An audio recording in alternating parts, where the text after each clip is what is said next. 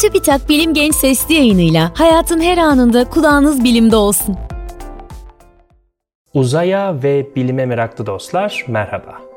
Bilim Genç Sesli yayınının bu bölümünde diğer yıldız sistemlerindeki gezegenlerin bir başka ifadeyle öte gezegenlerin nasıl belirlendiğinden bahsedeceğiz. Öte gezegen keşif yöntemlerinden bahsetmeden önce öte gezegen nedir tanımını yapmakta fayda var. Dikkat ederseniz öte gezegen terimi iki kelimenin birleşmesinden oluşmaktadır. Öte ve gezegen. Yani en basit haliyle ötelerdeki gezegenlere öte gezegen denir diye düşünmek pek de yanlış olmaz. Buradaki öte kelimesinden kasıt güneş sisteminin dışında demektir. Demek ki öte gezegen güneş sistemi dışında başka yıldızlar etrafında dolanan ve gezegen tanımına uyan gök cisimleridir. Elbette bir yıldız etrafında dolanmak yerine galaksi içerisinde başıboş dolaşan yani gezegen tanımına pek de uymayan öte gezegenler de vardır. Ancak onları belirlemek çok daha zordur. Hatırlarsanız Güneş sistemindeki gezegenlerin özellikleri nedir başlıklı sesli yayınımızda gezegen tanımını yapmıştık. Merak edenler önce o sesli yayınımızı dinleyebilirler. İlk öte gezegenler 1992 yılında keşfedildi.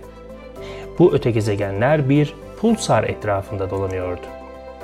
Pulsar yüksek derecede manyetik etkinlik gösteren ve hızlı dönen bir nötron yıldızıdır. Bu türden yıldız kalıntılarını yıldızların hayat çizgisinden bahsedeceğimiz başka bir bölümde detaylı olarak ele alacağız. Şimdi asıl konumuza geri dönelim. İlk öte gezegenlerin keşfinden bugüne kadar keşfedilen öte gezegen sayısı yaklaşık 5100'e ulaştı. Galaksimizde 1 trilyon öte gezegen olabileceğini hesaba katarsak bu pek de büyük bir sayı değil. Ancak yeni gözlem araçları ve gözlem teknikleriyle her geçen gün çok daha kısa sürede çok daha fazla sayıda öte gezegen keşfediliyor. Bu sesli yayınımızda 5 temel öte gezegen belirleme yönteminden bahsedeceğiz. İlk yöntem transit yöntemi olarak bilinir. Bu yöntem bakış doğrultumuzla yakından alakalıdır. Teleskopla bir yıldızı gözlerken eğer o yıldızın bir gezegeni varsa gözlem esnasında yıldızın önünden geçebilir. Böyle bir durumda yıldızın gözlenen ışığında bir düşüş olur. Yani yıldız bir miktar sönükleşir. Yanan bir fenerin ışığının bir kısmını elinizle kapatmanız gibi bir şey. Öte gezegen ne kadar büyük olursa yıldızın sönükleşme miktarı o kadar büyük olacaktır. Bu sayede öte gezegeni belirlemek daha da kolaylaşır. İşte bu nedenle keşfedilen öte gezegenlerin çoğu Jüpiter boyutlarındadır. Bu yöntem sadece öte gezegen belirlemek için değil, aynı zamanda öte gezegenlerin atmosfer bileşimini ve sıcaklığını belirleyebilmek için de kullanılan çok yararlı bir yöntemdir. Çünkü eğer öte gezegenin bir atmosferi varsa ve gözlem esnasında öte gezegen yıldızın önünden geçiyorsa, yıldızın ışığı teleskobunuza ulaşmadan önce öte gezegenin atmosferinden geçecektir. Yıldızın kendine ait yani öte gezegen yıldız önünden geçmiyorken sahip olduğu ışık ile öte gezegen yıldız önünden geçerken elde edilen ışık farklı olacaktır. Bu sayede eğer varsa öte gezegenin atmosferi hakkında bazı bilgiler elde edilebilir. Bugüne kadar keşfedilen öte gezegenlerin neredeyse %80'i transit yöntemiyle keşfedilmiştir. Gezegen avında bolca kullanılan bir diğer yöntem ise radyal hız yöntemidir.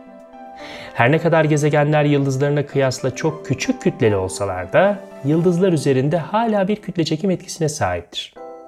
Nitekim yıldızlar kadar olmasa da gezegenler de uzay zaman örtüsünü büker. Gezegenin yıldız etrafındaki hareketi nedeniyle yıldızda minik de olsa bir titreme, sallanma oluşur. Yıldızın öteye beriye sallanmasından dolayı yıldızın gözlenen renginde bir değişim olacaktır. Yıldızın hareketi bize doğru ise yıldızın ışığı maviye, hareketi bizden öteye doğru ise kırmızıya kayar. Doppler kayması dediğimiz bu olay sayesinde bir yıldızın etrafında gezegen olup olmadığını anlayabiliriz. Transit yönteminden sonra en çok sayıda öte gezegen belirlenen yöntem radyal hız yöntemidir. Üçüncü yöntem ise direkt olarak yani doğrudan görüntüleme yöntemi adını alır. Güneşli bir günde eğer güneş gözlüğü takarsanız çevrenizdeki cisimleri daha net görebilirsiniz.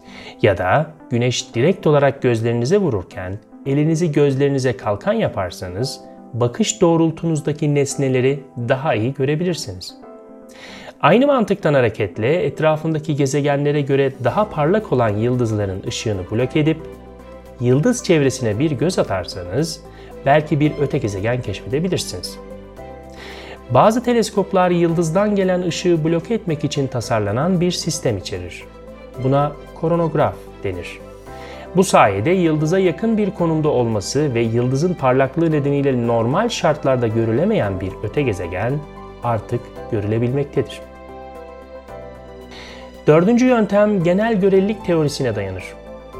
Bildiğiniz gibi genel görelilik teorisi Newton'un kütle çekim teorisine daha kapsayıcı bir açıklama getirerek kütlenin içinde bulunduğu uzay zaman örtüsünü büktüğünü söyler. Teorik fizikçi John Wheeler'ın gayet sade bir şekilde söylediği gibi kütle uzay zamana nasıl bükülmesi gerektiğini söyler. Uzay zaman da kütleye nasıl hareket etmesi gerektiğini. Kütle ne kadar büyükse uzay zaman örtüsündeki bükülme de o kadar büyük olacaktır. Işık uzay zaman örtüsü boyunca ilerlediği için yeterince büyük bir kütleye yakın geçtiğinde ışık belirlenebilecek kadar bükülmeye uğrayacaktır. Yani ışığın izlediği yol sapar ve bir noktada odaklanıp olduğundan daha parlak görünebilir. Sıradaki öte gezegen belirleme yöntemi evrenin bu gerçeğini kullanmaktadır. Kütle çekimsel mikromercekleme denilen bu yöntemi kısaca açıklayalım. Uzaklardaki bir yıldızı gözlediğinizi düşünelim. Eğer o esnada başka bir yıldız bakış doğrultunuzun arasından geçerse, asıl gözlediğiniz daha ötedeki yıldızın ışığında bükülme nedeniyle bir odaklanma olacaktır. Ve bu nedenle uzaktaki yıldız normalden daha parlak görünecektir.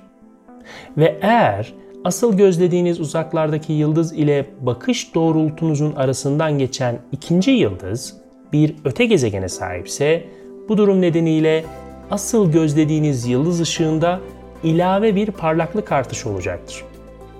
Öte gezegen nedeniyle ortaya çıkan bu ikinci etki ışık eğrisinde ilave minik bir parlama olarak kendini gösterecektir.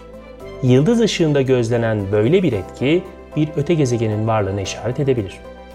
Son yöntem ise çok duyarlı ve hassas ölçümler yapmayı gerektiren astrometri yöntemidir. Astronominin bir kol olan astrometri, yıldızların ve diğer gök cisimlerinin pozisyon ve hareketlerini inceler.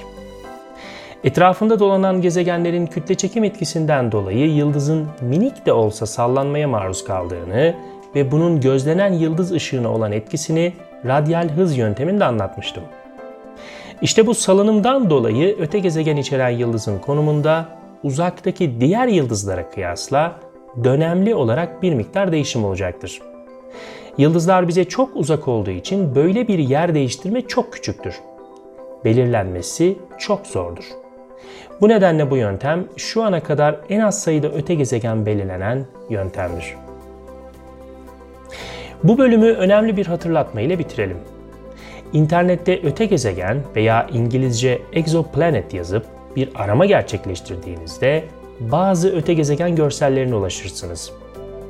Unutmayın, disk şeklinde ve değişik renklerde resmedilen o görsellerin hiçbiri gerçek öte gezegen fotoğrafı değildir. Onlar birer illüstrasyon yani resimlemedir. Bir başka ifadeyle eldeki bilgiye göre oluşturulan model görüntülerdir. Ancak gelişen gözlem araçları sayesinde doğrudan görüntüleme yöntemleri de gelişmektedir. Doğrudan görüntüleme yöntemine dayanan yeni çalışmalarda az önce bahsettiğim resimlemeler kadar iyi olmasa da bir yıldız etrafında dolanan öte gezegenler özellikle kızılöte dalga boyunda parlak birer nokta olarak görüntülenebilmektedir. Sadece bizim galaksimizde keşfedilmeyi bekleyen trilyonlarca öte gezegen olabilir ve gözlenebilir evrende trilyonlarca başka galaksi var. Sürekli ilerleyen bilim ve teknoloji ve daha da önemlisi merakımız sayesinde yeni öte gezegenler keşfetmeye ve evrendeki yerimizi daha iyi anlamaya devam ediyoruz. Bilim Genç Sesli yayınının bir bölümünün daha sonuna geldik. Bu bölümde öte gezegenlerden ve onları belirleme yöntemlerinden bahsettik. Gelecek bölümde evrenin başka bir gerçeği hakkında sohbet etmek üzere. Şimdilik hoşçakalın.